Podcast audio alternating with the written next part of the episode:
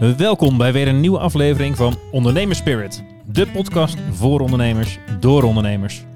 Ook te volgen op Instagram en LinkedIn, dus volg en like ons op die kanalen. En natuurlijk via je favoriete podcast app.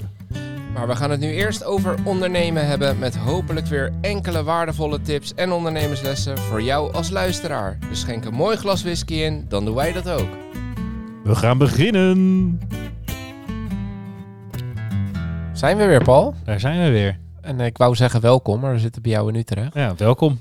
En eh, hou je van lekker eten? Nee, ik ga even vies eten. Nee, Ja? ik ga wel van lekker eten. Ja? ja. Ja, je eet dat kan toch? Je Ja, lekker, even lekker eten. eter bent. Ja. Maar eh, ik heb iemand die kan eh, koken, maar dan met cijfers. En daar Kijk heb ik wel affiniteit Ja. mee. Dus Nou, hele Voor ieder wat wils we hebben vanavond. een hele leuke gast vandaag. Kun je je eigen voorstellen? Ja, dank jullie wel. Wat een fantastische introductie, Goed, mannen. Ja. nou, ik ben Janine van Vliet, eh, eigenaresse van het bedrijf eh, Koken met Cijfers. Ik ben eh, geldstroomexpert en keynote spreker. En ik help eh, met mijn bedrijf eh, hardwerkende ondernemers naar financiële rust, zodat ze in de toekomst elke tegenslag kunnen verslaan. Kijk, elke tegenslag verslaan, dat, eh, Ja, dat, dat wil je. dat wil je toch? Ja. en dat doen wij niet eh, zonder whisky. Nee. En eh, Nee, ja, dat als er een tegenslag is, dan hebben we in ieder geval nog de whisky. ja, precies. Ja, ja, ja. Dat, eh, zo, zo overwin ik alle Ja. tegenslagen. Nee, het is goed om en, een eh, plan B te hebben, Roy. Ja, toch? En Paul, ik denk dat jij blij wordt. Want ik heb de Buffalo Trace meegenomen. En dan de 90 Proof. We hebben een eh samenwerking in de podcast met Norbert van Whisky for All. En onze eerste proeverij die wij vanuit Ondernemers Spirit organiseerden, daar, daar zat deze in de line-up. Ja, volgens mij had hij toen dus de 101, niet de 90, Echt? dacht ik. Nou, volgens mij deze. Ja? Maar goed, Gaan we nog daar, een keer bij gaan we- vragen. Daar gaan we Ja. verhaal. Ja. Maar in ieder geval, eh, deze wordt wat zwaarder qua alcohol gebotteld dan de normale. Maar daardoor is die juist zachter. Oké. En ehm, ja, laat het je smaken. Hoop ik. Ja, dat eh, hoop ik ook. Heb je wel eens whisky op? Nou, eh, ja. Ik hoor hem maar. ja. En ik moest wel even teruggraven wanneer dat was. En dat is denk ik ruim 20 jaar geleden. dus kun je een beetje nagaan hoe oud ik inmiddels eh, ben. Maar ehm, eh, ik ben niet alleen financial, maar ik heb ook de Hoge Hotelschool gedaan ja. in Leeuwarden. En ehm, dan heb je ook van die practicum lessen, colleges, waarin je van alles leert en Ja. moet proeven ook. ja. Dus ehm, ja, dan zit je op dinsdagochtend half negen Ja, het de liefst, nog zonder, het liefst nog zonder ontbijt natuurlijk. Op liefst, proeven. ja, het liefst wel. Zit je dan met zo'n lijn met glazen naast je. En dan hadden we of wijncollege. Maar we hadden dus ook een keer het digestieve college. ja. En dan krijg je dus de hele rits om half negen te proeven. Whisky, cognac, Ik eh, snap. eh, noem het allemaal maar op. Ja, En ja, toen was ik nog best wel jong. Dus ik zat toen meer in de moezel met ijs eh, Ja. periode Ja, en ja, de ja, kanij. ja. kanij. Zo. ja. Ja. En toen begon ik net een beetje eh, van witte wijn eh, te genieten. Ja, Eh, dus dat was vrij heftig. Ik denk dat dat de laatste keer geweest is dat ik eh, whisky gedronken ja, heb. ja. En dan Ja. dus nu. Dus dit, Ja. ik voel het wel weer een beetje als een soort vuurdoop Ja, voor ja, mij. ja. Nou, we hebben er wel maar eentje, dus het wordt geen eh, grote Nee. proef. Nou, gelukkig. gelukkig. Ja, en ik ben dus wel een enorme wijnliefhebber. Maar ehm, eh, over whisky weet ik dus eh, vrij weinig. Ja. Ja, ze zeggen dat er eh, in whiskies nog veel meer smaken te ontdekken zijn dan in wijn. En dat heeft al een heel breed palet aan, eh, Ja. aan Precies. smaken. Ehm, je kan hem nog wat, eh, als je hem scherp vindt, je hebt een glas water ernaast. eh, je kan wat, wat druppels of een scheutje Ja, erbij we doen. beginnen eh. natuurlijk gewoon puur natuurlijk. Want ik denk, Ja. neem aan dat jullie zeggen dat dat niet kan, hè? Water met whisky. Nee, dat- Kan dat- zeker Kan wel, ja? Kan wel. ja. Oké. Jawel. Wordt vaak gedaan bij eh cast strength. Dus als die direct vanuit het vat gebotteld wordt, Ja. dan zit die vaak op de 60, 65 procent. Ja? En dan, dan kan je hem met een paar druppeltjes water, komt er gewoon een heel ander eh, smaakpalet vrij. Dan Maar- wordt het veel gedaan. Ja, maar in principe zeggen ze, de, de, de maker, die heeft hem al met water vanaf dat vat teruggebracht naar wat er in de fles zit. Ja, En dat is met een reden, want ja, op die manier was die het lekkerst of eh, Ja. kwamen die beste smaken Ja. naar voren. ja. Maar goed, smaken verschillen natuurlijk. Zeker. Ja. Dus eh, de ene die zal zeggen, ik heb liever een sterkere, de ander liever met wat meer water. En het schijnt zo te zijn met water dat je het proces van de geuren die vrijkomen wat kan versnellen. Dus in principe zit alles erin. Als die langzaam warmer wordt, gaat die wat anders smaken. Is met wijn in principe ook. Ja. Eh, maar als je Daar er water, zo bij zitten, Ja, Paul. ja, ik krijg helemaal wel, zin ja. om een slok Ja. te nemen. Ja, Ja. en als je er water bij gooit, dan versnel je dat proces. Want er gebeuren er allemaal chemische dingen erin. En dan komen die geuren veel sneller vrij. Dus mensen doen het ook wel eens om even snel te kunnen ruiken. Ja, Heb jij dat college ook gevolgd Nou. of niet? Half negen dinsdag. Nee, ik let altijd op als Norbert dat vertelt, eh, Roy. Oh, ik had het kunnen weten. Oh, Ja. nou ja, eh Ja, proost. Lentje dan, Ja. proost. Ja. Ik hoop dat het wat is. Hij zou dus zacht moeten zijn, maar als je nooit sterke drank drinkt, dan kan de eerste slok wat eh, Scherp aanvoelen. scherp aan. Als ik zo meteen van de stoel afval, hier, Ja. dan eh, weten jullie het, hè? Ja, Ja. ja, dan moeten we zelf eh een praten zelf aflevering. een uur vol, joh. Ja. Nou, Nou, ik zie een hele blije, uh, Ja. blije voelt als twintig jaar geleden, Ja. zou ik zeggen. Ja, nou, hier, reuze mee. En hier is de rest van de plank. gehaald toen eigenlijk? Nee, wij hoefden daar geen niks aan. Oh, niet? Ik vind het ook best wel heftig vanuit die school dat je dat dan niet op donderdag om vier uur plant. of Nou zo. ja, ik zat dus te denken, ik had laatst met een vriendin over van waarom deden wij dat dan op dinsdagochtend? Maar ik, ik had, nou, ik denk twee redenen. Enerzijds dat ik denk, volgens mij is je smaakpalet Ja. beter in de ochtend. Ja, ja, ja, ja. Dus dat vond de docent waarschijnlijk beter. En als we het aan het einde van de middag doen, dan waren we natuurlijk met z'n allen de kroeg in eh, gegaan. Dus Ja. ik denk dat ze ook een Ja. beetje wilden voorkomen dat wij op school te veel dronken. Ja, precies. Ja. Ja, ja, ja. Ik snap wel waarom die opleiding eh, zo populair is. Ik heb, Hoogste, eh, ja. hotelschool, populaire opleiding. Hele ja. leuke opleiding, ja. Ja. ik heb dus wel eens gekeken uit nieuwsgierigheid van hoeveel kost het om, eh, om ja, een papiertje te krijgen in Licorist dat dan geloof Mhm. ik. Eh, maar daar heb ik dus ook gezien dat inderdaad bijna al je, al je lessen daarvoor, dat is allemaal inderdaad 's ochtends proeven. ja, omdat je Ja. dan gewoon naturel Nee, omdat je dag smaak dan het beste zeg maar. is. Ja, precies. Volgens mij gaan ook drankinkopers, die gaan altijd zonder ontbijt gaan ze, Proeven. eh, gaan ze proeven. En dan gaan ze ontbijten. Bijzonder leven heb je dan, hè? Ja, Ja. dat is wat Nou. anders, dat was anders dan wij. We hebben in ieder Eh, geval een mooi drankje voor, voor bij het gesprek. Ja, en het is overigens een bourbon, moeten we misschien bij zeggen. Ja, Dat oké. Ja. Dus dat ja, een is... bourbon eh, whisky. Straight bourbon. Er zijn mensen die dat dan eh, zoete troep noemen, maar dat eh, nou, Nou, ik, het is hartstikke lekker. Ik heb geprobeerd om met je mee te denken. ja, Ja. Ik, eh, ik ben wel blij verrast. Ja, ja, ja. ja. ik help je tegen, door elke tegenslag heen. hey, maar vertel, want dat klinkt wel als een eh, pittige belofte wel. Ja. Iedereen eh, door de tegenslagen heen te kunnen helpen. Ja, zeker. Ja, maar het is wel fijn toch? Als je als Ja, ondernemer zeker. eh, Mhm. zelf aan het roer kan staan. En eh, eh, zelf, dat je niet iemand anders nodig hebt om, eh, om ergens weer uit een dal te kunnen krabbelen. Ja, en, en hoe doe je dat? Want je noemde de term geldstroom-expert. Ja. Ja. Dat is letterlijk denk ik wat het, hoe het klinkt? Of hoe... Een geldstroomexpert, dus ik kijk zeg maar met ondernemers. Ik kijk net iets anders dan een boekhouder of accountant. Dat ben ik dus zeker niet. Dat, eh, veel eh, mensen denken dat van, oh ja, dan doe je ook de administratie en jaarcijfers maken en zo. Nou, dat doe ik vooral niet. Nee. Ik doe wat ik leuk vind. Dat is geen boekhouden. nou, daar kunnen wij elkaar schudden. Ja, oh gelukkig. Ja, ja. Nou, daar ik- heb ik dus ik- met heel veel ondernemers gemeen. Maar ja, ik Ja. zit hier tegenover Roy. Ja, ja, ja, pas op, pas op. Nee, maar wij hebben het voordeel dat een hoop ondernemers dat niet leuk vinden. Exact, Ja. dat is het hè. Ja. Veel ondernemers vinden eh, alles wat te maken heeft met administratie Gedoe. in de breedste zin van het woord. En dan gaat het nog niet eens over boekhouding. Eh, maar dat is gedoe, inderdaad. Mhm. Het is lastig, het is moeilijk. Eh, ze zijn er vaak niet in geschoold. Nee. En ehm, het is ook een achtergeschoven kindje. Want ehm, ja, weet je, andere Ja. dingen zijn veel leuker in je bedrijf om, om te doen.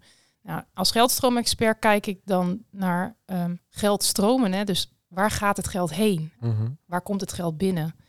En vooral, waar blijft het ergens hangen? Ja. En waar lekt het? Ja. Ja, ja, ja, ja. En als je dat boven tafel hebt en je weet eh, wat er misgaat, dan gaan we dat oplossen. ja, En dat zijn die tegenslagen. ja, precies. Ah, interessant. En, en hoe, eh, hoe, hoe, hoe kom je erop om een, eh een geldstroom-expert of geldstroombedrijf op te richten? Ja, ik heb ehm, hiervoor ehm, zowel bij een grote bank gewerkt als bij een grote franchise-organisatie. Dus ik heb al ruim 15 jaar werk ik met, eh, met ondernemers. Eh, in de meest brede zin van het woord. Ik heb financieringen verstrekt, eh, overnames van bedrijven gedaan. eh, vooral heel veel bijzonder beheer ondernemers gedaan. En ehm, op een gegeven moment kwam ik op een bepaald punt dat ik dacht, ja, ik kom niet verder met die ondernemers. En ik ging altijd heel vaak proberen van, weet je, die, die problematiek die die ondernemers hebben, die zit in die cijfers. Ja, open Ja. die cijfers maar en dan zie je wel waar de, proble waar de problemen zijn. Ja, Mhm. Ja. klopt, Ja, nee, zeker. Ja. zeker. Ehm, alleen dan ging ik dat elke keer weer uitleggen aan die ondernemer. Van nou, hier heb je een winst- en verliesrekening, heb je een balans, dat moet je zo lezen. Jij neemt te veel privé op, dat moet je minderen. Ja. En dan ging ik weer weg en dan kwam ik weer terug. En dan Ja. was het precies hetzelfde. Ja. Gebeurde gewoon helemaal niks. Zat geen verandering zat, daar, Ja. eh, zat daarin. En ben je dan niet ook vaak al eh, vanuit een bank of bijzonder beheer misschien al eigenlijk te laat om die mensen Ja. te kunnen helpen? Zeker, veel te Ja. laat. Ja, ja. Ehm, en dan, dat frustreert op een gegeven moment. Dat je denkt, ja, weet je, waar, waar kan ik nou nog het verschil eh, maken? Nou, er was op een gegeven moment iemand die tegen mij zei van... Goh, misschien moet je dat boek van Profit Versus lezen. Misschien helpt dat. Nou, toen ben ik dat gaan lezen en toen las ik de eerste twintig pagina's van het boek. En toen dacht ik, oh, dit is mijn verhaal wat hier staat. Dit is die frustratie van die ondernemers die overal... Ja, Ja. waar ik gewoon niet mee verder kom. En ehm, toen dacht ik, ja, maar hier heb ik een methode mee te pakken waarvan ik denk, daar kan ik ondernemers echt mee helpen. Dus ik heb dat boek denk ik in een dag of een weekend eh, uitgelezen. En toen heb ik gelijk eh, contact opgenomen. Want ik werkte op dat moment nog in loondienst. Dus, dus ik was de eerste eh, persoon hier binnen Profit First Nederland die een loondienst certificeerde voor dat systeem. Ehm, en ik, gelukkig kreeg ik ook dat management mee hè, om daarin Ja. te investeren. Ja. En ik vond het zo mooi dat ik toen dacht van ja, maar ehm, ik moet het niet alleen maar in loondienst houden. Ik moet ook, eh, eh, ik kan volgens mij nog veel meer ondernemers helpen dan die ondernemers die ik nu kan helpen in loondienst. En dat was toen de stap waarvan ik dacht van ja, als ik dat wil doen, dan moet ik, eh, moet ik het ondernemerschap gaan Moet ik beginnen. het zelf gaan proberen. Ja. Ja. Ja, ja, Ja. Ja. Dus nooit als, als, als, als klein meisje gedacht, ik word ondernemer. Nee. Dat is echt gewoon zo Echt gegroeid. gewoon niet. Nee, nee, Nee. ik denk als je mij dus vijf jaar geleden had gevraagd, gezegd tegen mij van ja, jij bent over vijf jaar ben jij ondernemer eh, en, eh, en heb je een aantal awards gewonnen. Dan eh, had ik eigenlijk je echt gek verklaard. Ja? Ik echt no way. Nee, ik, kom niet uit de, ik kom niet uit de ondernemersfamilie. Nee, Ik heb niemand in mijn omge directe omgeving die ook ondernemer is. Totaal niet. nee. Ehm, Gewoon echt de, maar- eigenlijk de drive van, hey, Ja. dit is een methode Ja. die meer mensen Ja. zouden moeten kennen. Ja. En ik kan dat onvoldoende kwijt of uiten of onvoldoende mensen helpen. Ja, in, eh, klopt. in Dat wat ik wilde eigenlijk. doen, kon Ja. ik niet in loondienst doen. Ja. Eh, dus dat ben ik dan maar er zelf omheen gaan, eh, gaan Ja. creëren. En dat- ja, dat is dan gestart met dit systeem. Maar inmiddels ben ik gewoon een brede business coach die, die een ondernemer op alle vlakken van het, van het ondernemerschap helpt. En als ik één stapje terug mag, ik ben vast niet de enige ondernemer, maar ik had nog nooit van Profit First ge- gehoord. Nee. Wat, wat, waar, waar gaat die methode over? Het zal vast iets met eh, winst te maken hebben. Ja, nou dat is wel grappig dat je dat zegt. Hè? Want ja, de vertaling in het Nederlands is Ja. winst eerst. Ehm, dus er zijn nog heel veel ondernemers die zeggen van... nou ja, dan ben je heel erg druk met, met winst bezig. Maar dat is het dus eigenlijk niet. Je bent juist eh, bij die ondernemer aan het, door aan het zorgen dat ze meer inzicht krijgen. Meer rust, meer overzicht. ehm, door op een andere manier naar hun bedrijf te kijken. En, en de basis van het systeem is eigenlijk ontstaan, ehm, eh, nou, net zoals bij mij, hè, dat, dat die frustratie van dat die ondernemers niet naar die cijfers keken. Ehm, en ehm, dat komt door twee dingen. Enerzijds dus doordat er te weinig kennis is bij, eh, bij ondernemers op, op het gebied van financiën en, en hoe ze die cijfers moeten lezen. En anderzijds vanwege het feit dat ze dat dan dus niet durven te zeggen tegen een professional zoals jij en ik. Ehm, omdat ze dan het gevoel hebben van ja, ja, dan ben, ja, ben ik misschien niet goed genoeg als ondernemer. Of dan ben ja. ik eh, eh, ben wel ja. onzeker. Ja, het gaat natuurlijk Ja, veel over vooral, geld met ik. ondernemen. Dus maar, er wordt altijd gaat het over eh, de, de, de, de boxen, dividenden en eh, hoe Ja. je, waar je investeert en hoe je dit allemaal doet. Maar Ja, maar ook vaak over de meest simpele, eenvoudige dingen als hoe lees ik een balans. Er zijn heel veel ondernemers die kijken daar niet naar. nee, Eh, omdat het daar gewoon best wel moeilijke termen in staan en ze gewoon niet snappen wat dat is. Ehm, daar dus ook niet met een boekhouder of accountant over durven praten. Vaak dan maar gewoon ja knikken van ja, het zal wel, weet je wel. Ik zit, Ja. ik zit het verhaal wel een beetje uit. En dan, eh, nou, dan ga ik gewoon daarna weer door met, de met de orde van de dag. volgend jaar wel weer. Zie ik Ja. hem volgend jaar Ja. wel weer. Ja. Nee, klopt. Dus, dus, dus er, zit, er zit ook een hele grote, een groot gat tussen boekhouder, accountant en ondernemer die elkaar niet begrijpen. Ja. Eh, ik heb een klant die, die zei tegen mij vorig jaar van, die zei ja, ik heb zo'n boekhouder. Ja, dat is, dat is echt een geschiedenisleraar. Ja, hij ja, ja. begrijpt mij niet en ik begrijp hem niet. En ehm, ja, hij heeft eigenlijk ook wel gelijk.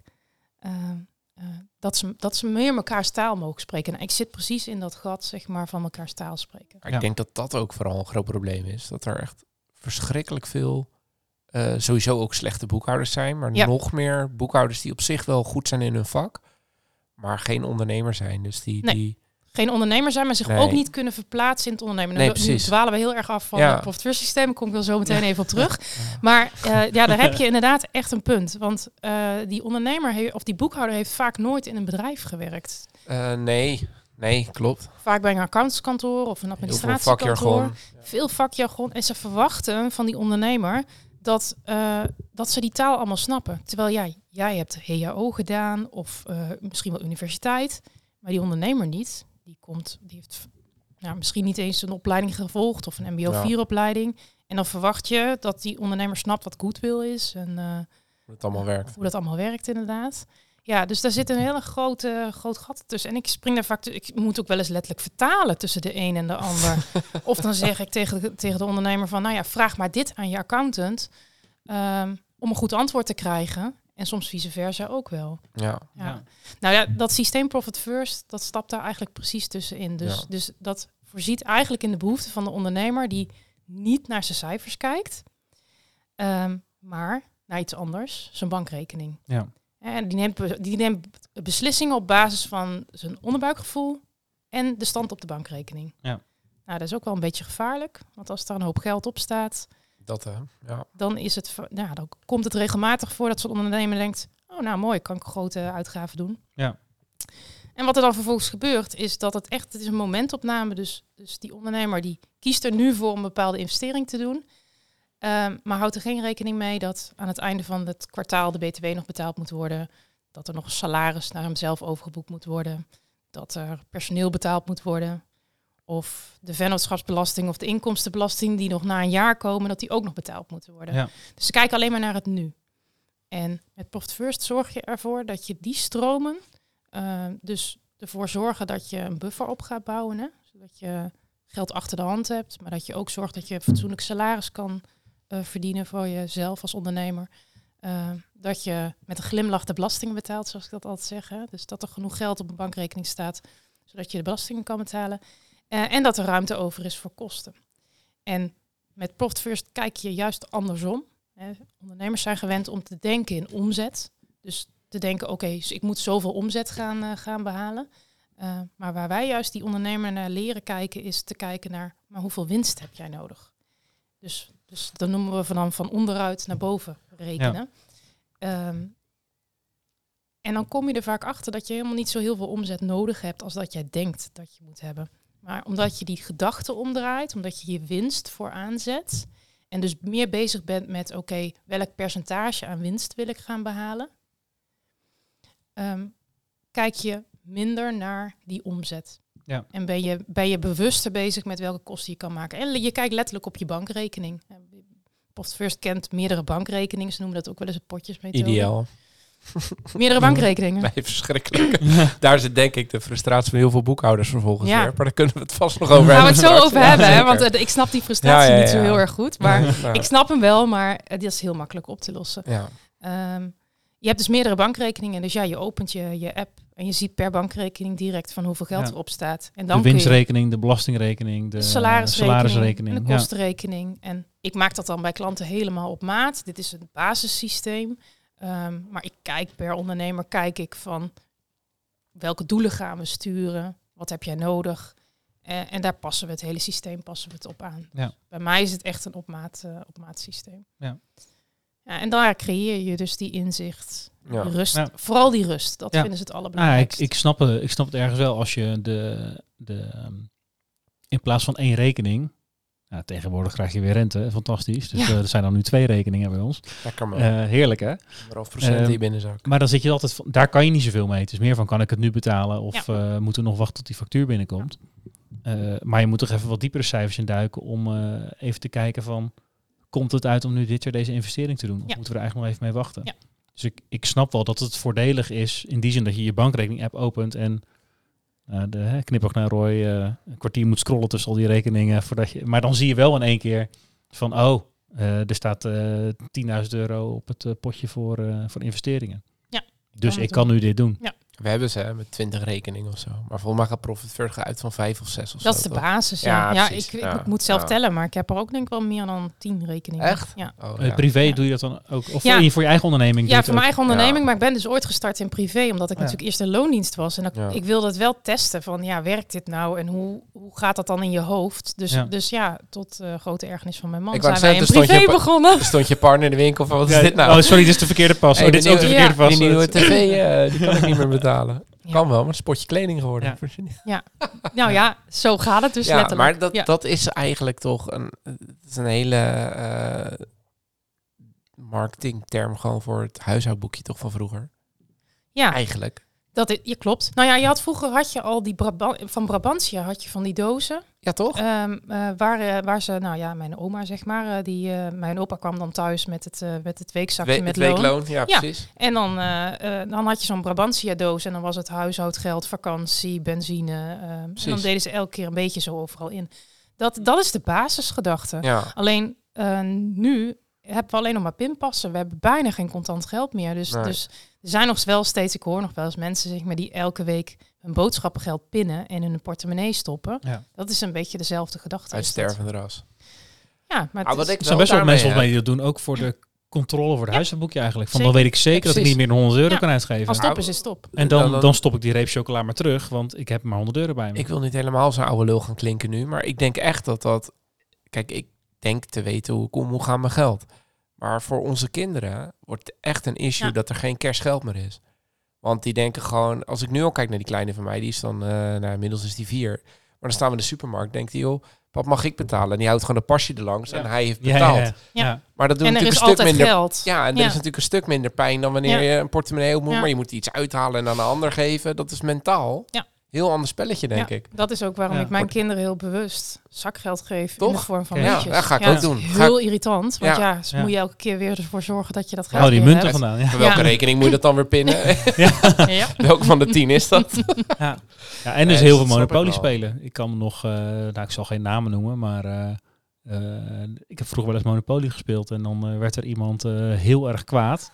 ik weet wie. Ja, jij weet wie, jij was er wel eens bij. Eh, die werd dan heel erg kwaad als die ehm, eh, één briefje van vijf kreeg voor vier briefjes van één met Ja. kindermonopoly. Ja. Want ja, vijf briefjes is meer dan één briefje. Ja. Dus eh, die dacht echt dat hij genaaid werd. Ja. Ja. Dat, eh, Grappig. eh, maar daarmee leer, je, daarmee leer je spelende wijs wel natuurlijk omgaan Ja. met eh, wat is dit waar, wat Ja. betekent dit? En dan koop je daar, eh, wat is het, een huisje of een hotelletje voor. Maar Ja. eh, met cash, cashzakgeld creëer je natuurlijk ook dat Ja. gevoel van dit is wat waard. Ja. En ik moet het geven en dan krijg ik wat anders voor terug. En dat Ja. is, als je dat Dat pasje digitaal hebt- is gewoon... Ja. eh, Ja, dus, dus dit systeem is, is van de basis, dat, dat ligt hier aan ten grondslag. Hè? Ja. Zo'n doos waarbij je echt het loon in zakjes eh, verdeelt. En dat is vertaald naar het ondernemerschap. ja, precies. En het mooie wat ik vind is, ehm, eh, het geeft overzicht. Dit, het boek is heel erg geschreven voor de ZZP-markt. Ja. Ik Ja, zit met eens. name in de MKB-markt. Dus dat betekent dat je je moet gaan aanpassen aan de situatie van een MKB-ondernemer. Die is echt wel anders dan een ZZP'er. Daar kun je dit heel prima op toepassen hoor. ZZP'er, daar kijk je gewoon op bankrekening. Heb ik erop staan? Kan je het uitgeven, ja of nee? Mhm. Maar een MKB-ondernemer heeft vaak personeel, die verkopen producten, die hebben voorraad. Dus dan, dan worden die geldstromen worden een stuk ingewikkelder. Ja. En dan kan je niet zeggen aan het einde van de maand, ja, eh, sorry, mijn potje is leeg. Ik kan personeel niet betalen. Nee, ja, die heb je Ja. gewoon in dienst, dus dat moet je gewoon doen. Ja. Dus daar zit, hoe, daar zit echt een eh, stuk maatwerk zit ja. erop. En hoe zit het dan inderdaad met als je voorraadbeheer hebt? Er zijn natuurlijk MKB'ers die hebben voor eh, anderhalve ton of misschien wel tonnen eh, aan waarde in het magazijn staan. Ja. Maar daar kan je niet een extra bankrekening voor openen, want dat, dat, dat zit niet in cash. Klopt. Daar zit dus ook vaak een van de geldlekken. Zit Ja. in de voorraad. Ja, dat is Ja, hoe geld- meer geld- voorraad, hoe... geld ja. wat er op de plank staat. En, en 9 van de 10 keer als een ondernemer veel voorraad heeft, ja, is dan- duur.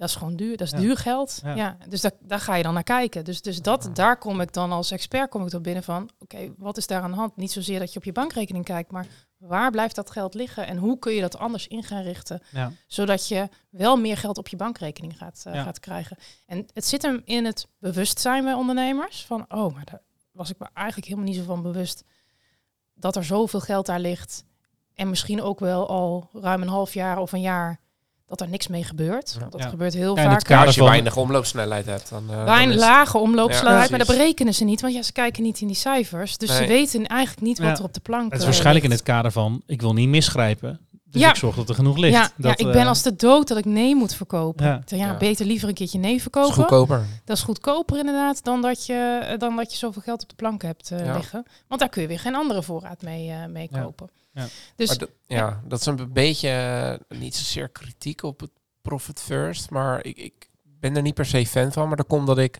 ik ben ik kom uit accountancy en ik heb een administratiekantoor.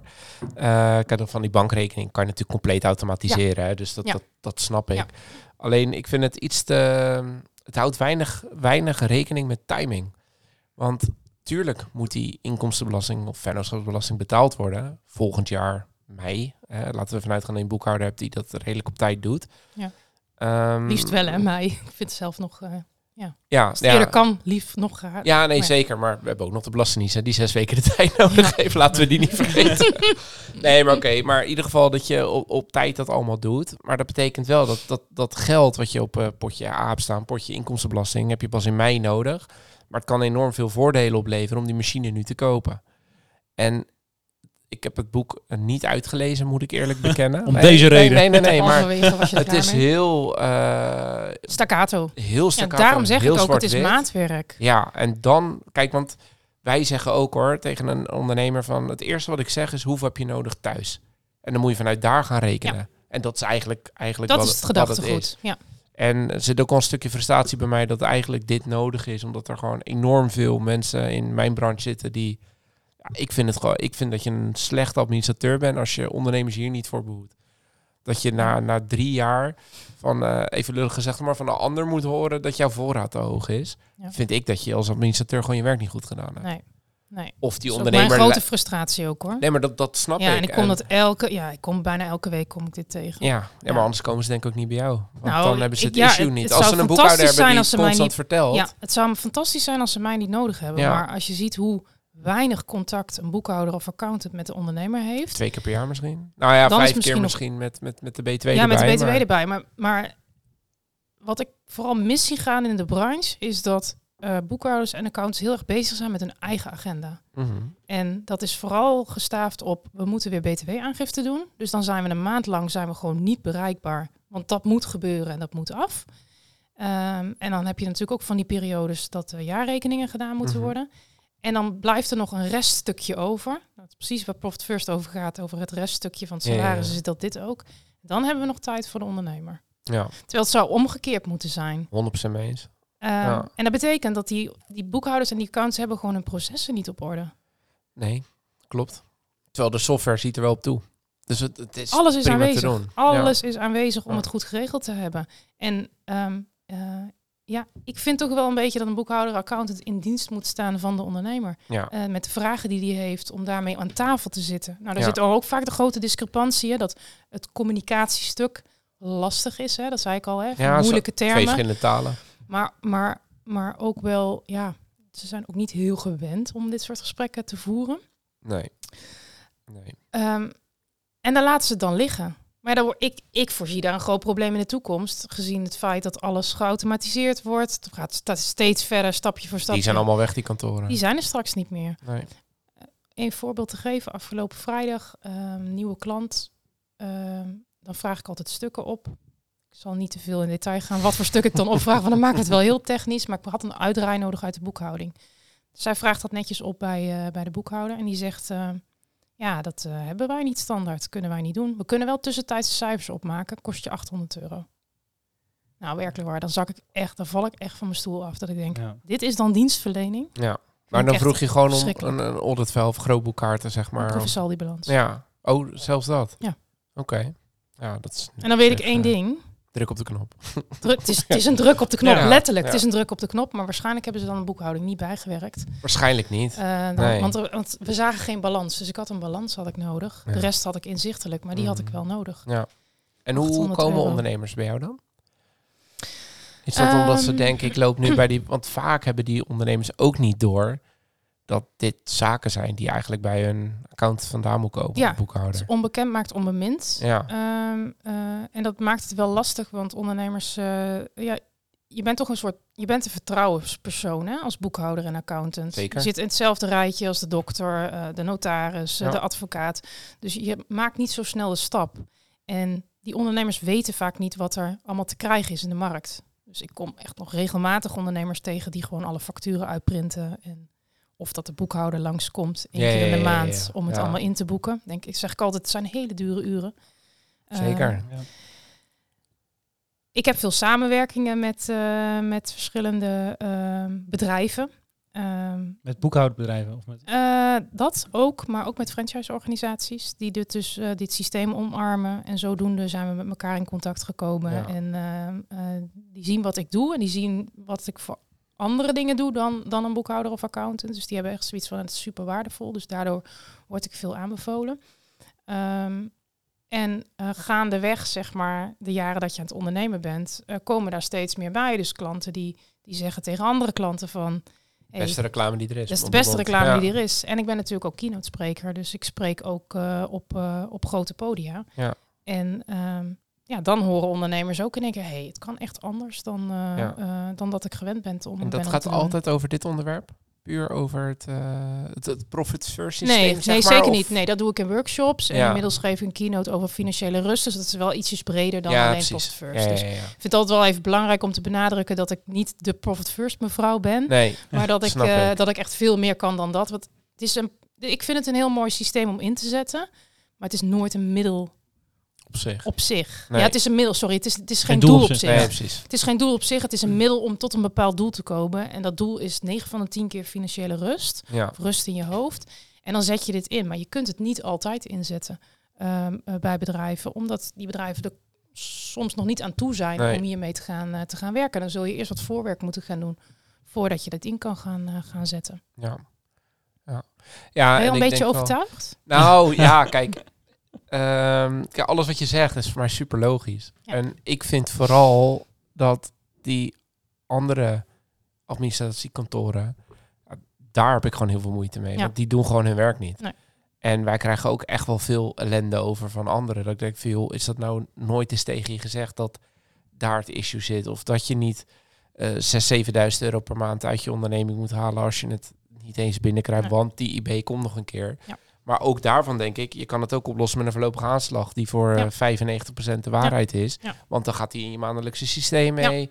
Ja, ik vind dat eh, zonder mijn eigen beroepsgroep tekort te doen, gewoon boerenverstand. Ja. En daar, daar zit mijn frustratie. Ja, exact. Het is gewoon boerenverstand. Ja, en- en dan denk ik, ja, dan, dan vind ik de oplossing eh, met een mooie term. En het, het is ook een klein beetje een, een, een marketingmachine, is mijn mening tenminste. Eh, denk ik, ja, dat, ik snap het allemaal, maar het is gewoon, wat komt er binnen? Je weet, eh, nou ja, dat is dus het probleem, je weet niet wat er nog betaald Nee. wil worden, maar dat zou je moeten weten. En dan weet je dus ook wat er, wat er onderaan de streep overblijft voor nou ja, hoe je het ook wil Ja. eh, uitgeven, zeg maar. Dus ehm, Ik zeg ook niet dat het de heilige Nee. graal is. Hè. Ik Nee, zeg nee, nee. voor sommige ondernemers werkt, werkt het wel heel goed Ja. zoals ze doen dat ze doen. Eh, het voor, de grote voordeel vind ik, als je kijkt naar de, naar de beroepsgroep, is dat de beroepsgroep heel reactief is. Ehm, dus ze reageren pas nou, bij het maken van de de jaarcijfers, administratiekantoor. administratie. Ja, nee, ja, dat, dat is dus verschrikkelijk. ja, en dan, en dan is het nu, ik, ja, het is nu, we zitten nu aan het einde van het jaar. Mhm. Ehm, ik heb nog klanten die eh, nog geen eh, gezicht hebben op de jaarcijfers 2022. ja. En dan zo'n boekhouder die ook letterlijk niet durft te zeggen wat de winst is, omdat het nog niet 100% compleet is. Ja, je kunt best een indicatie afgeven. Weet je, Ja. die 1000 euro maakt ook niet heel veel verschil uit. Nee. Dus daar zit de reactiviteit zit erin. En waar, waar ik heel erg mee bezig ben, is te kijken naar proactiviteit. Mhm. eh, en voor op de bal te zitten en te kijken naar het gedrag van de ondernemer. Want uiteindelijk, de cijfers zijn een resultaat van een bepaalde beslissing. En als je vooraan gaat zitten in die beslissing en je kan zeg maar het gedrag sturen van hoe een Ja. ondernemer het anders deed, Mhm.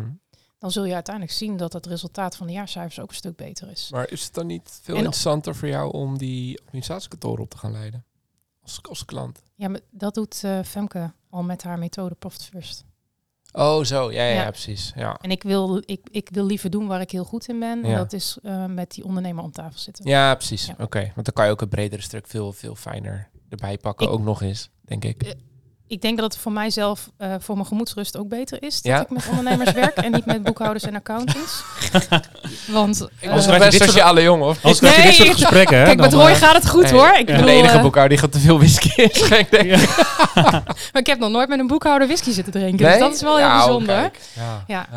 Ja. Ik zou haast zeggen, geef die fles maar door. Dan ga ik hier lekker Oh, achterover zitten en eh, genieten van het... eh, Ja. het- Begrijp ik hieruit dat er niet zoveel mensen zijn, of niet zoveel profit first adviseurs, als je zegt... eh, We zijn in Nederland met ehm, ongeveer 75. Oké. Ja, maar je zei net uh, de Femke, geloof ik, zei je? Die leidt die al. Femke Hoogma is degene die het systeem naar Nederland heeft gebracht vanuit Amerika. Ah, okay. ja. Um, zij heeft het boek ook vertaald. Dan, ze heeft het boek ja, vertaald, ja, inderdaad. Ah, okay. Dus zij leidt mensen op, uh, boekhouders en accountants op de First Professional. Ja.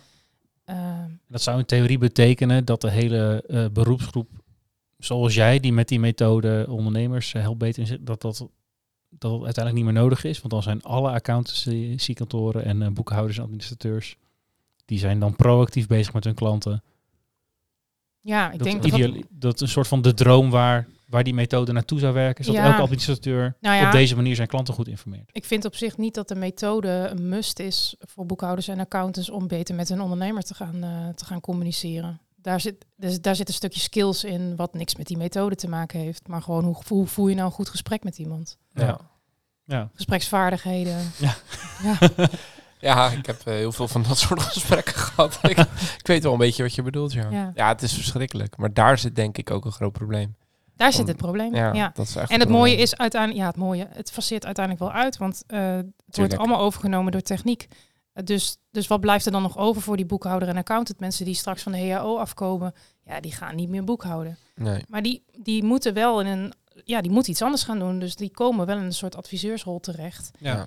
Ja, en op het moment dat je dan niet kan communiceren met ondernemers, of je wordt, je loopt achter de feiten aan, hè, omdat je het administratief of eh, hè, procesmatig niet goed voor elkaar hebt, dan ben je gewoon, dan prijs je jezelf de markt uit. Want het, Ja. het echt het handje met het handje boekhouden is gewoon vele malen duurder straks. Ja. Ja, nu al. Ja, hoor, nu maar- al. Ja. Nu al, ja. Ja, we hebben het ook wel eens over gehad, toch? De, de, de rol van AI op de, de administratiekantoren en de, de boekhouders. Dat Ja. betekent gewoon je toegevoegde waarde zit in, In de rest. in, ja, in de rest. In het communiceren met de klant, dingen uitleggen, toelichten. Ja. Ik ben alleen maar blij met die eh, AI, want daardoor krijg je tijd om dat gesprek te voeren. Zeker. Ja. In plaats van dat je alles... eh, Je hebt alleen de goede mensen nodig op de goede plekken die gewoon Precies. fatsoenlijke gesprekken kunnen, Ja. kunnen voeren. En niet, niet met van die moeilijke termen. eh, Het enige praten. nadeel is dat je nog twee softwarepartijen hebt in Nederland. En dan, eh, nou ja, heb je iets meer, maar die zien meer toe op die ZZP-markt. Maar ze nemen alles en iedereen over. Dus die verhouding qua kosten, de, de, de prijs Ja. is, is vrij... eh, Je hebt bijna, bijna een monopolie in eh softwareleveranciers. ja, je hebt er nog twee. Visma en Exact. Ja. En als het nog niet van ze is, dan eh, hebben ze het of bijna gekocht, of ze, ze, ze zijn ermee bezig. Of ze zijn niet interessant genoeg.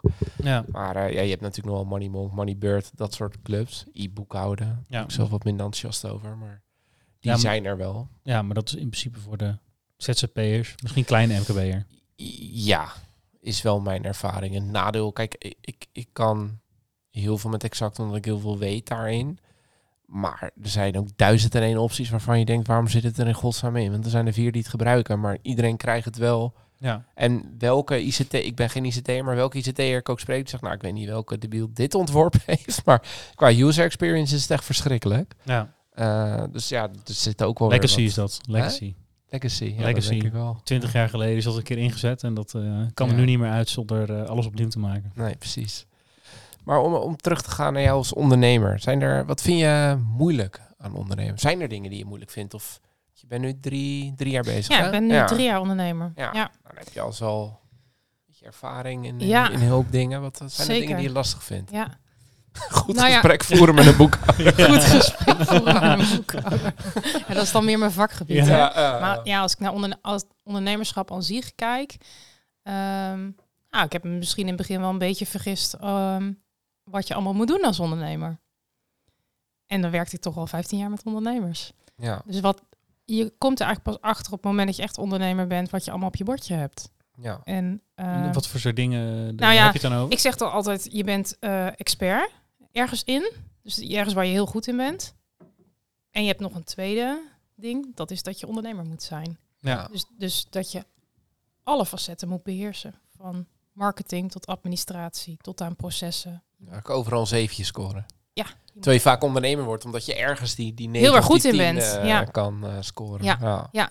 En dat maakt dan dus ook wel dat er een, eh, bepaalde nou ja, tijdsinvestering in zit in het ondernemerschap. Waar je in het begin wel even doorheen moet. Dat je denkt, Ja. oeh, oh, moest ik dit ook kunnen? oh ja, ik ben ook in één keer de ICT'er Ja, geworden. ja, ja. Weet je, ja, Wat- de, de printer wordt niet, je wordt niet meer geholpen als die niet meer, eh, als die niet meer werkt. Nee, precies. Dus En- dat is wel, eh, eh, dat was wel even een, eh, een leerschool Een voor mij. eye-opener. Een, ja, een eye-opener wel. Ja. En dat, je, dat je gewoon beter begrijpt waar anderen mee te maken hebben. Nu je zelf ondernemer bent, is makkelijk praten vanuit loondienst. eh, Ja. eh, als je om vijf uur weer naar huis gaat en denkt, nou, ik heb Ja, we zien morgen wel weer hoe het gaat. En morgen Ja, zien we wel weer Ja, verder. Ja, ja, ja, ja, En dat wil niet zeggen dat ik in loondienst niet ehm, Nee, klopt. Gedreven was in wat ik deed. Maar het is toch echt wel, eh, het is echt Er zijn anders. genoeg mensen in loondienst natuurlijk die zich ook in het weekend zorgen maken om eh, hoe Ja. een bepaald project gaat. Of het Zeker. hele weekend doorwerken om een bepaalde deadline te halen. Ja. Of om het net wat beter te doen. Dat Ja. is, maar dan nog is dat wel toch net wat wel anders dan de, Ergens die, die, die, als het echt van jezelf is. die achtervang of die escalatiemogelijkheid die dan al bepaalde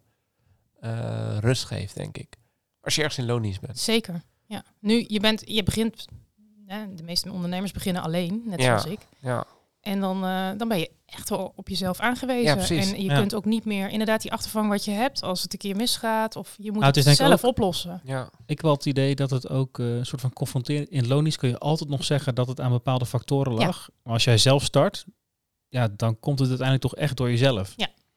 En Ja. natuurlijk kan de markt tegenzitten. Ja. Of eh, hè, de- wie had voorzien dat eh er weet ik veel een grote overstroming zou komen. Ja. Tuurlijk. corona. Corona, ja. Nou, dat is wel een goed voorbeeld trouwens. Dat- toen heb jij denk ik binnen jouw klanten Maar rond die heel tijd veel blije gezichten gezien qua eh, dat ze wel gelijk hadden wat er, wat, wat er op dat moment, hoe het ervoor stond, zeg maar. Ja, nou ben ik midden in corona begonnen. Oh, Dus tuurlijk, ja. ja, ja, dus dat is drie jaar geleden. 23, ja. Ja. Ja. Dus, en gelukkig, ik, zat, ik kwam binnen in een branche ehm, eh, waar het heel goed ging. Ja. Dus de- iedereen ging verbouwen en, eh, Ja, ja, ja. en ging zijn huis opknappen. dus die omzetten die gingen sky high. ja. En daar konden we toen gelijk op instappen. Dus die ondernemers die hebben gelijk gewoon een goede basis met mij neer kunnen leggen. Die ze voor de toekomst weer eh, zeker kunnen, Ja. kunnen stellen. Dus dat was wel... eh, Ik bedoel, jouw eerste Dat klanten waren ondernemers die eh, toen... eh, ja, ik heb heel eh, veel klanten in de, in de woninginterieurbranche. Ah, ja, dus die eh, vloeren verkopen, raamdecoratie en dergelijke. ja. Ja. Dus ja, die kon, het werk kon niet op op dat moment. Nee. Ja, Voor- ik weet ook nog, want voorraadbeheer was denk ik lastiger dan... eh, was geen voorraadbeheer, Nee. het ging zo hard eruit. Ja, Nee, precies. Ja.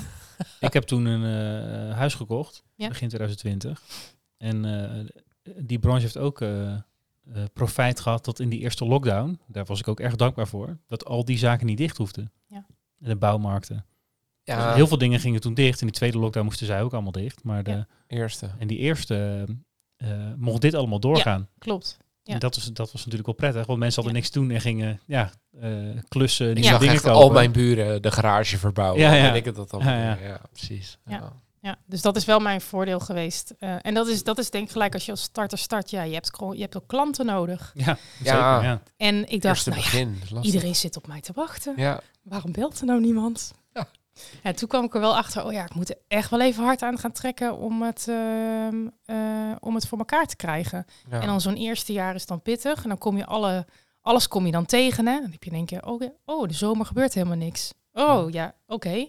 Nou, het jaar erop weet je dat dan. Ja. Dus dan hou je daar rekening ja, mee. precies. En ik merk nu zeg maar het derde jaar dat ik denk, nou, het is het meest comfortabele jaar eh, geweest eh, tot nu toe. Ja, Omdat je gewoon weet wat er gaat gebeuren. Er en je erop kan komen. vertrouwen, zeg maar, wat er, eh, wat er op je afkomt. Ja. En, en, en waar in dat proces dacht je, ik ga ook nog keynote spreker worden?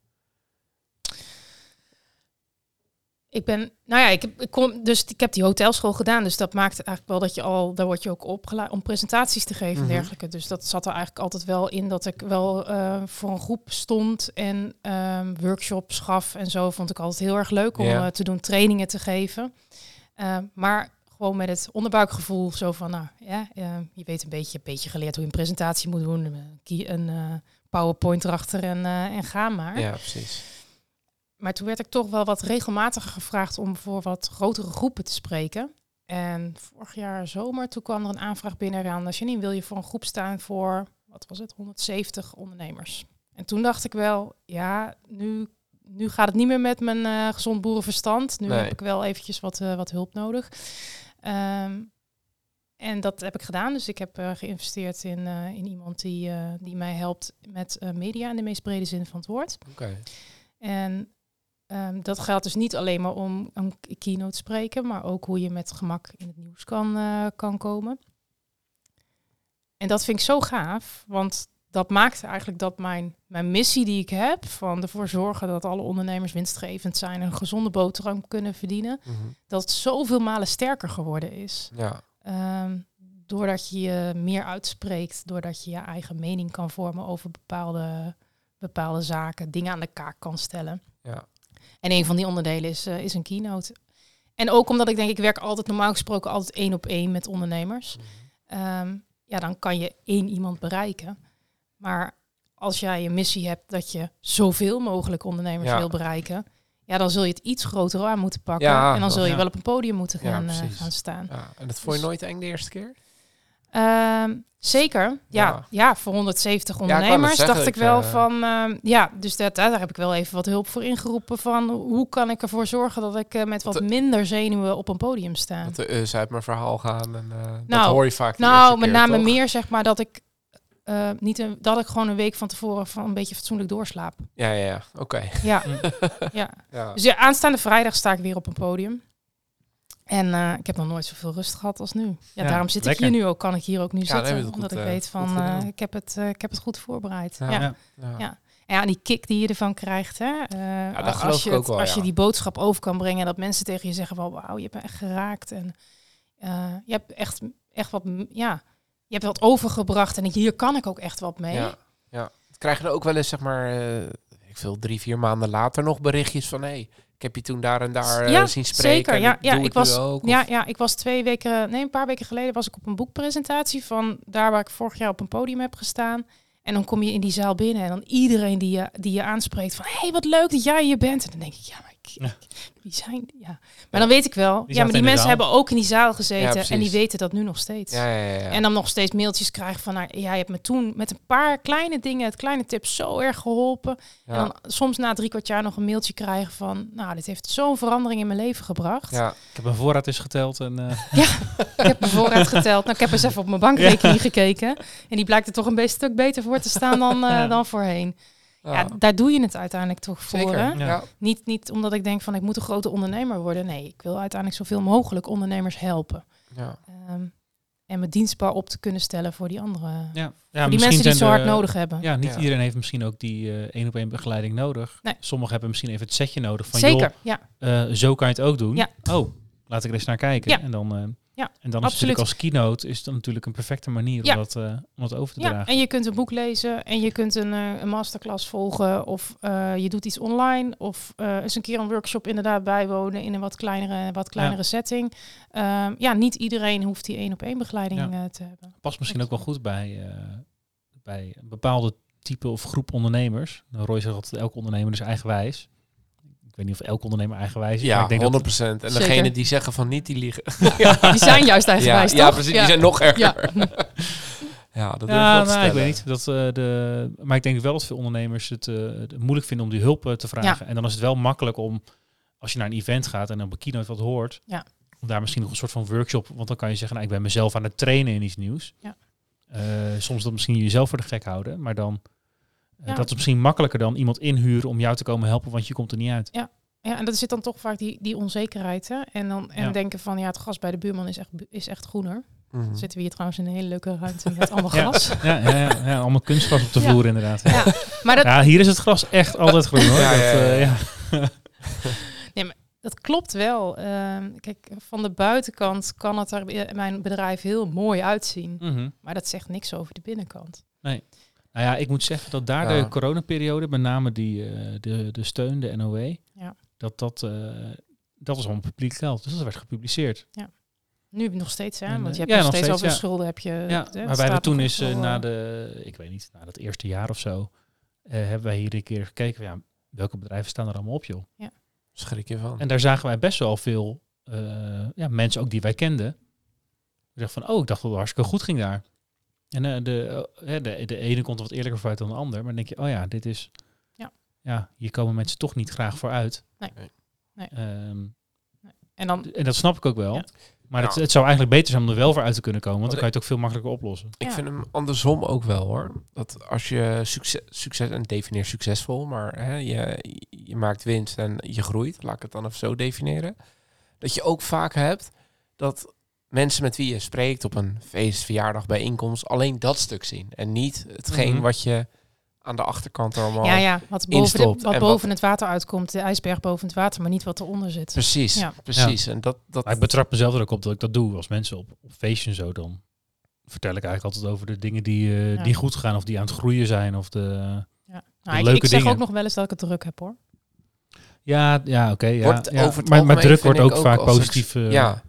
Ja. Hoe vaak gaat het? Ja, goed, lekker druk. Dus Ja. ik denk, ja, dan gaat het dus niet goed. Dan heb Ja. je dus te veel te doen. Ja. ja, ofwel, het is, ik denk dat het best wel goed is als je af en toe drukke periodes hebt. Dus niks, niks mis mee. Nee, Maar, eh, eens, maar... als iemand altijd druk is, ja, Ja. dan doet hij misschien iets eh, in het organiseren niet zo goed. Of, eh, Nee, precies. of moet hij te hard werken om eh, de eindjes aan elkaar te knopen. Ja, Het kan ook zijn dat iemand gewoon hyper ambitieus is en eh kan. kaart naar doorkomen Nee, eens, maar je wordt vaak wel... eh, maar toch geassocieerd bent, dan gaat het goed. ik heb Ja. nog wel eens dat ik de opmerking krijg van... Ja, maar jij hebt makkelijk praten. denk ik, ja, ho- hoezo? Hè, om even terug te grijpen op wat jij net aangaf bij dat loondienst. Eh, als je dan om vijf uur naar huis gaat, is het zeker niet voor iedereen. Maar vaak ook wel klaar. Of eh, je bent dan af en toe eens aan het overwerken. Maar die ondernemer, ja, als... En de shit zit te fan, als hij het niet oplost op het moment dat het moet... Dan, dan blijft het er ook, zeg maar. Ja. En dat, dat, dat stuk wordt nog wel eens vergeten. Ja. Het gaat gewoon 24 uur per dag door hè. Ja, Ja. ja. zeker. Ook als je s'avonds aan het avondeten zit of als Ja. je 's morgens opstaat. Ja. En Dat kan op een gegeven moment wel blokkeren in je hoofd. Als je daar te veel stress van krijgt, Ja. dan, eh, dan komt er niks meer uit je vingers. Nee, precies. Nee. Dat, eh, dat moet je voorkomen. Ja. Dan begin je met financiële rust. Dat begint met financiële Ja. rust. En dan de volgende Ja, je stap. weet hè? een mooie cirkel rond te maken. Ja, ja, ja. Ah, ik heb eigenlijk nog een vraagje. Ja, nee, Ja, mag het? Ja, Waar tuurlijk. sta je over tien jaar? Over tien jaar doe ik nog met net zoveel plezier dat wat ik nu doe. Hè? Ondernemers helpen Ja. en op een podium staan. En eh, ben ik een bekend persoon in de media. Kijk. Kunnen wij zeggen, het begon allemaal eh, met de whisky aan nou, tafel. Is Ja. misschien een beetje groot, maar Ja, het begon met, een, met, met een glas whisky inderdaad. Ja. Ja. Maar dan Ja. doe ik nog steeds wat ik, eh, wat ik nu doe. Ja. Ja. Maar wel, ehm ambieer je dan ook grotere zalen of dat niet per se? Ik vind dat geen doel op zich. Nee, oké. Nee.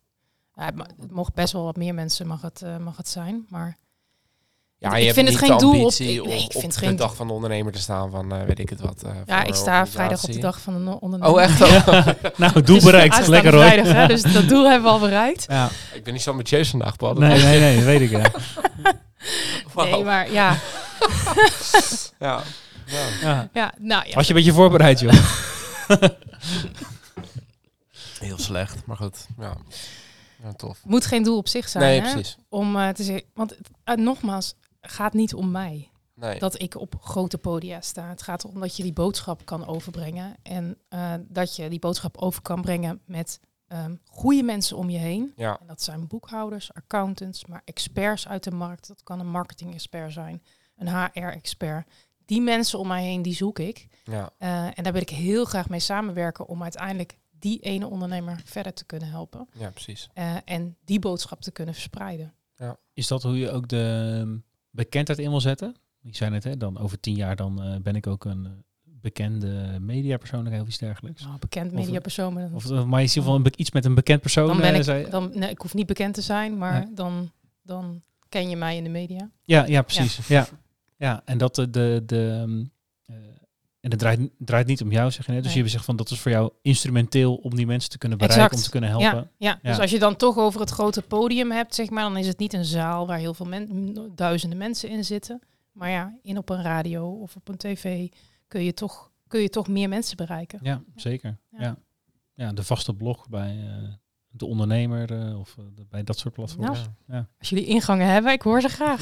Tegen die tijd is Harry Mens misschien ook met pensioen. Ja. Ja, ja. Op zondagochtend een hotel. eh, Mag toch wel eens een keertje. Kun je lekker wijn proeven, dat Oh, doet hij ook altijd, zo, toch? ja. Ja, ja. Zondagochtend, hè, want dan zijn de smaakpapillen Ah, hij het vindt alles lekker. Ja. Bizar filmpje altijd. Oh ja. Ja, mooi. Mooi. Ja. Heb jij eh, de, de, de, misschien moet ik anders hoe, hoe veer jij je successen? Vier jij successen? Sta je daar stil bij? Ja, zeker. Nou, dat is dus mooi. Een van de onderdelen van Profit First is dat je de successen viert. Nou, en dat maakt... ik ben gelijk fan van de methode. ja, maar ik zal morgen beginnen. Ja, ja. Staat, ja, het staat inderdaad, eh, eh, is een onderdeel daarvan. Ehm, dat doe ik elk kwartaal. Dus elk kwartaal geef ik mezelf een eh, winstuitkering. En ehm, daarvan een deel van die, van die winstuitkering, dat gaat mooi op een buffer. Voor investeringen of, of toekomst. En een deel, ehm, daar doe ik iets van wat ik op dat moment of heel leuk vind om te doen, of heel nuttig vind om te doen. Of ik eh, vier het met mijn uh, geliefde om mij heen.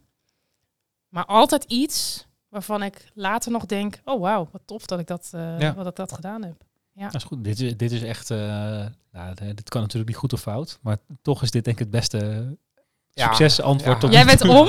ja? Nee, maar dat het... Um, ik vind dat Profiters helemaal niks met dit antwoord. nee, nee maar de, wij noemen het vaak de fles van succes, noemen wij het vaak. Omdat de, we merkten zelf, maar ook bij anderen, heel veel ondernemers die vergeten te vieren als er iets gelukt is. Zeker. Ja, dan ga je altijd maar door. Ja, ja, ja, door. Zeker. Dus ik vind het uh, wel tof om te horen. Ik zeg, nee, elk kwartaal sta ik er even bij stil. En, ja. en dat, nou, jouw manier is dat om het te doen door een winstuitkering te doen. En uh, van een deel daarvan ook echt iets leuks te doen. Ja.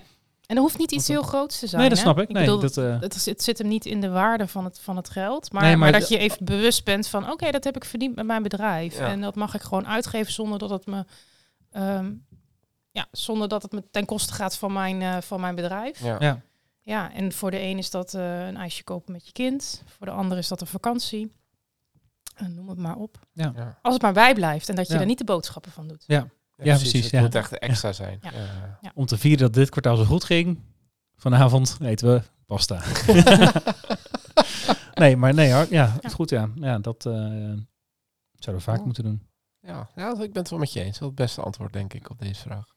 Vaak uh, zaten we al van, ja, als ik het bedrijf verkocht heb, dan dit. Ja. Als ik dat heb gerealiseerd, dan dat. Ja, of we vieren het wel eens, of het schiet het erbij in, of uh, dat, uh, ja. dat snap ik ook allemaal. Dat heb ik zelf eigenlijk ook. Ja, maar juist die periodiciteit, dat je gewoon zegt, ieder kwartaal doe ik dat gewoon. Ik kijk ja. wat er onderaan de streep over is gebleven, en deel ervan keer ik extra over, en dan ga ik wat tof. En mij staat gewoon op mijn bankrekening, hè? Kan gewoon kijken het, hoeveel erop dat staat. Dat is een van die tien. Nog. Nee, het vier, van die, een van die vijf, potje, Het vierpotje. Ja, ja. Een van die, dat is een vierpotje inderdaad. Ja, ja, ja. Dus ik hoef alleen maar op de bankrekening te kijken en dan weet ik hoeveel uh, wat ik ervan kan doen. Of je naar het theater kan of toch dat ijsje kopen. Ja, precies. Exact. Ja. Tof. Heb je nog iets waar je op terug wil komen? Of heb je nog een ultieme tip voor de luisteraar? Vele ondernemers. Nou, de ultieme tip is wel dat, dat ik denk dat elke ondernemer moet zorgen dat hij een, uh, een buffertje achter de hand heeft. Uh, voor als het misgaat. Ja. Om daar maar eens mee te beginnen. En dan uh, begin dan gewoon eens met uh, en wat is een... 1% van je inkomsten bijvoorbeeld, wat er wekelijks ja, ja. binnenkomt. Ja. Dan, en je zet dat apart, dan, dan kom je al een heel eind. Zeker als je een groot bedrijf hebt met behoorlijk wat omzet, dan kan het op jaarbasis aardig aantikken. Ja. Ehm, dan heb je hopelijk, als er ooit weer een keer corona komt, hoef je niet een beroep te doen op de overheid, maar kun je gewoon zelfstandig overleven. Ja. ja. En dan kun je zelf elke tegenslag verslaan. Ja. ja. Zeker. En die whisky is toch best wel lekker. Wel hè? Ja. Ja, ja nou gelukkig. gelukkig. Je mag het glas ook houden, want je, het ondernemersweer logo. Dankjewel. En uh, dus dan kan je er thuis nog eens na van genieten. En dan hoop ik dat wij het volgende kwartaal uh, onderdeel zijn van jouw viering uh, ja. met een nieuwe whisky. Ja, met een nieuwe whisky. Ja, ja van het vierpotje. Ja, ja. ja. dankjewel voor, voor je tijd. Jullie heel erg bedankt. En ja, mooi verhaal. Ik ben ik ging er, nou, ik, ik het gewoon zeggen. Yeah. Ik, ik, zei tegen Paul, ik zei, nou, dat Profit Purse, ik moet het nog zien vanavond. We gaan er even tegenin. Maar waterdicht verhaal. Ik, uh, ja, nee, toch? Helemaal om. Ja, ja ik had een paar argumenten tegen. Zeg, ja, nou, maar heb je ook gewoon gelijk in. Ik, ja. ja, je hebt gewoon je zin gekregen. Dat is het. nee, maar dan blijft er voor mij ook weinig over, toch? ja. Ja, het is denk ik uh, de, meer dat het... Uh, ik denk dat jij van tevoren dacht... Doel op zich. Het wordt gezien als een doel op zich, de heilige graal. Juist. En dat, uh, ja, ja. dat uh, heb jij nu geleerd dat dat helemaal niet zo daar is. Daar zat mijn vooroordeel. Ja, vooroordelen. Hier Mooi. Uh, dankjewel voor je komst. En we gaan volgende week weer lekker door met ja, we zien volgende week weer. Tot de volgende. Dankjewel voor het luisteren naar weer een aflevering van Ondernemers Spirit, de podcast. Hopelijk vol met wijze ondernemerslessen en natuurlijk inspiratie voor schitterende whiskies. Volg ons op Insta als je dit vaker wil. En subscribe natuurlijk uh, op Spotify.